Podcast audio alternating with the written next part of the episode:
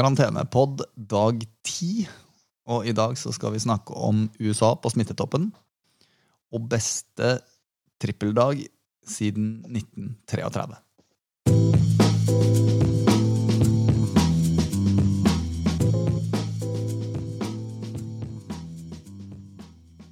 Er det deg, Christian?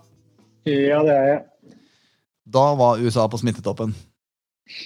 Ja, det er vel ikke noe særlig å feire for noen, vil jeg tro. Men uh, det er den uh, veien det har gått, etter at man har fått uh, litt Ja, litt ikke kontroll, det er feil å si, men man i fall ser ut til å ha passert smittetoppen i Italia. Og ting er på full fart i feil retning i USA, og da blir det sånn. Ja, Og Europa ellers, ja? Nei, det vi har sett er vel at de antagelsene man har om at smittetoppen er nådd, ikke alltid treffer helt. Eksempelvis i Tyskland har vi sett en ganske betydelig økning i går. Det har også vært en liten økning i Italia igjen, men fortsatt under toppen for Italia slik sett. Så det, det, det vi lærer av det her, for så vidt, man lærer jo for hver dag som går, det er at dette fallet i antall nye tilfeller det avtar ikke nødvendigvis så raskt som man kanskje skulle håpe. Og Sverige eksempelvis har også sett noen dager nå med ganske betydelig økning i antall dødsfall. Så det er liksom man, man leter med lykt og lupe etter lyspunkter, og, og de finnes. Men de negative og dårlige tallene de dukker opp innimellom og så trekker liksom progresjonen ut i tid. Dette er ikke noe som løser seg over natta. Men hva, altså Vi har ikke sett noen veldig store løft i Sverige. Og jeg tenker at Sverige gir, i hvert fall i forhold til Norge, da, helt fullstendig faen.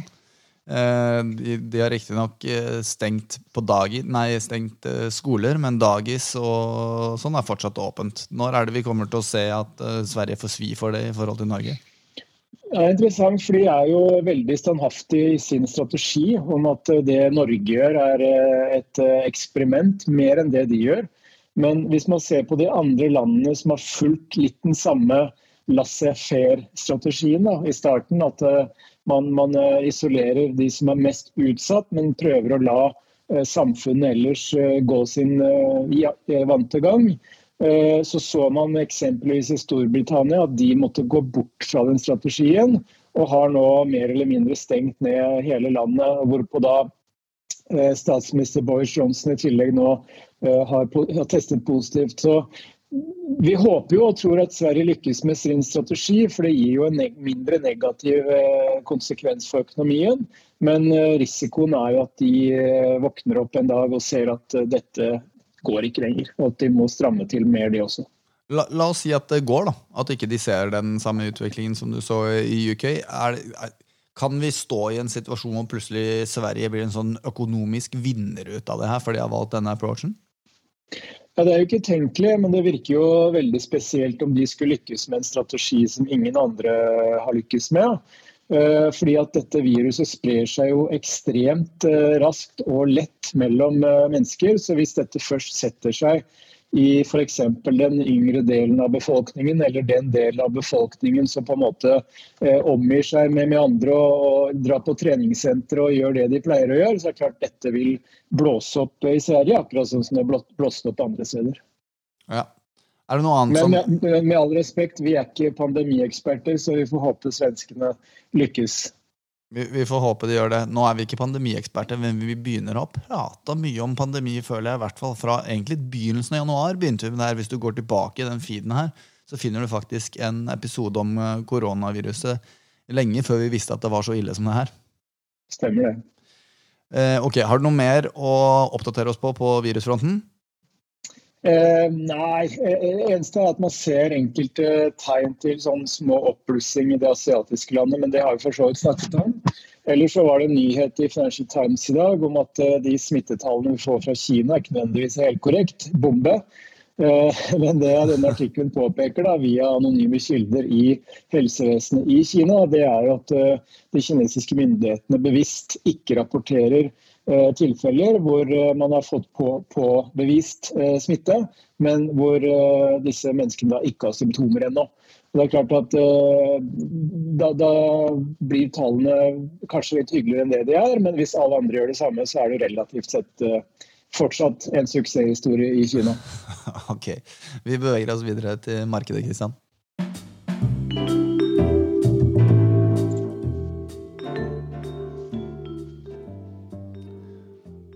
Hvordan har det gått i dag?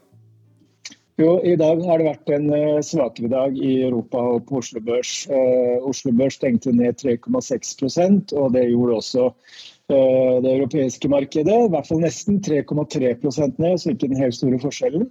Det store smellen har vi i dag egentlig fått i oljeprisen, som falt nesten 7% Og det er nok signaler om at Saudi-Arabia og Russland ikke er så lette å kue i forhold til eventuelle produksjonskutt.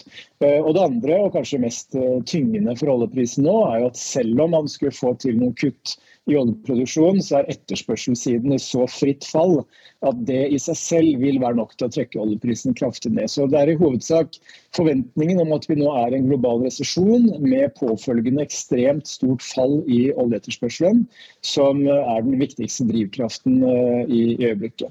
I USA så har man jo nettopp hatt eh, en, eh, en trippel en trippeldag, dvs. Si tirsdag, onsdag, torsdag med til sammen rundt 18 eh, kursoppgang for SMP 500. og Det er da den beste tredagers oppgangen siden 1933. Eh, og Sånne ekstreme perioder det kom jo gjerne innimellom ekstremt dårlige perioder, som vi for så vidt hadde forrige uke igjen. Så dette er på ingen måte noe tegn på at eh, det verste er over. Men som vi var inne på i går, så har vi sett uh, noen lyspunkter. Vi har hatt litt problemer i går å telle hvor mange det var, men vi kom vel frem til at det var fem. Og Så vidt eh, jeg kan se, så er fortsatt eh, fire av de fem i rimelig greit eh, territorium. Det eneste som ikke trekker i riktig retning fortsatt, det er jo VIX-indeksen, som da har trukket noe opp igjen med tanke på forventet volatilitet i det amerikanske aksjemarkedet. Så det tok én dag før en av de fem lyspunktene sto for fall? Ja, jeg tenkte jeg skulle oppdatere de annenhver dag på Twitter. Jeg la ut de, de fem på Twitter i, i, i, en melding. Og jeg tenkte jeg skulle oppdatere de annenhver dag, slik at man kan holde et godt blikk med hvordan disse lyspunktene våre faktisk utvikler seg. Om de uh, slukker og blir til uh, skrekkpunkter, eller om de beholder en viss optimisme over seg. Ja, men det er bra. Nei, Du virker i hvert fall som du er i godt humør på tross av den litt vanskelige situasjonen. Er det noe spesielt som har skjedd i dag, siden du er så godt humør? Du har kjøpt deg noe ja, nytt? Må, ja, det må, det, det må være uh, den nye høytrykksspilleren min. Som uh, akkurat tatt i bruk. Så nå er bilen uh, mer ren enn det den har vært siden jeg fikk den, tror jeg. Man pleasures. Det er veldig bra. jeg har en container utenfor huset. Jeg har fått kasta en masse crap ut av huset. Så jeg er også for så vidt i ganske godt humør. Er det noe å rapportere på policy-siden?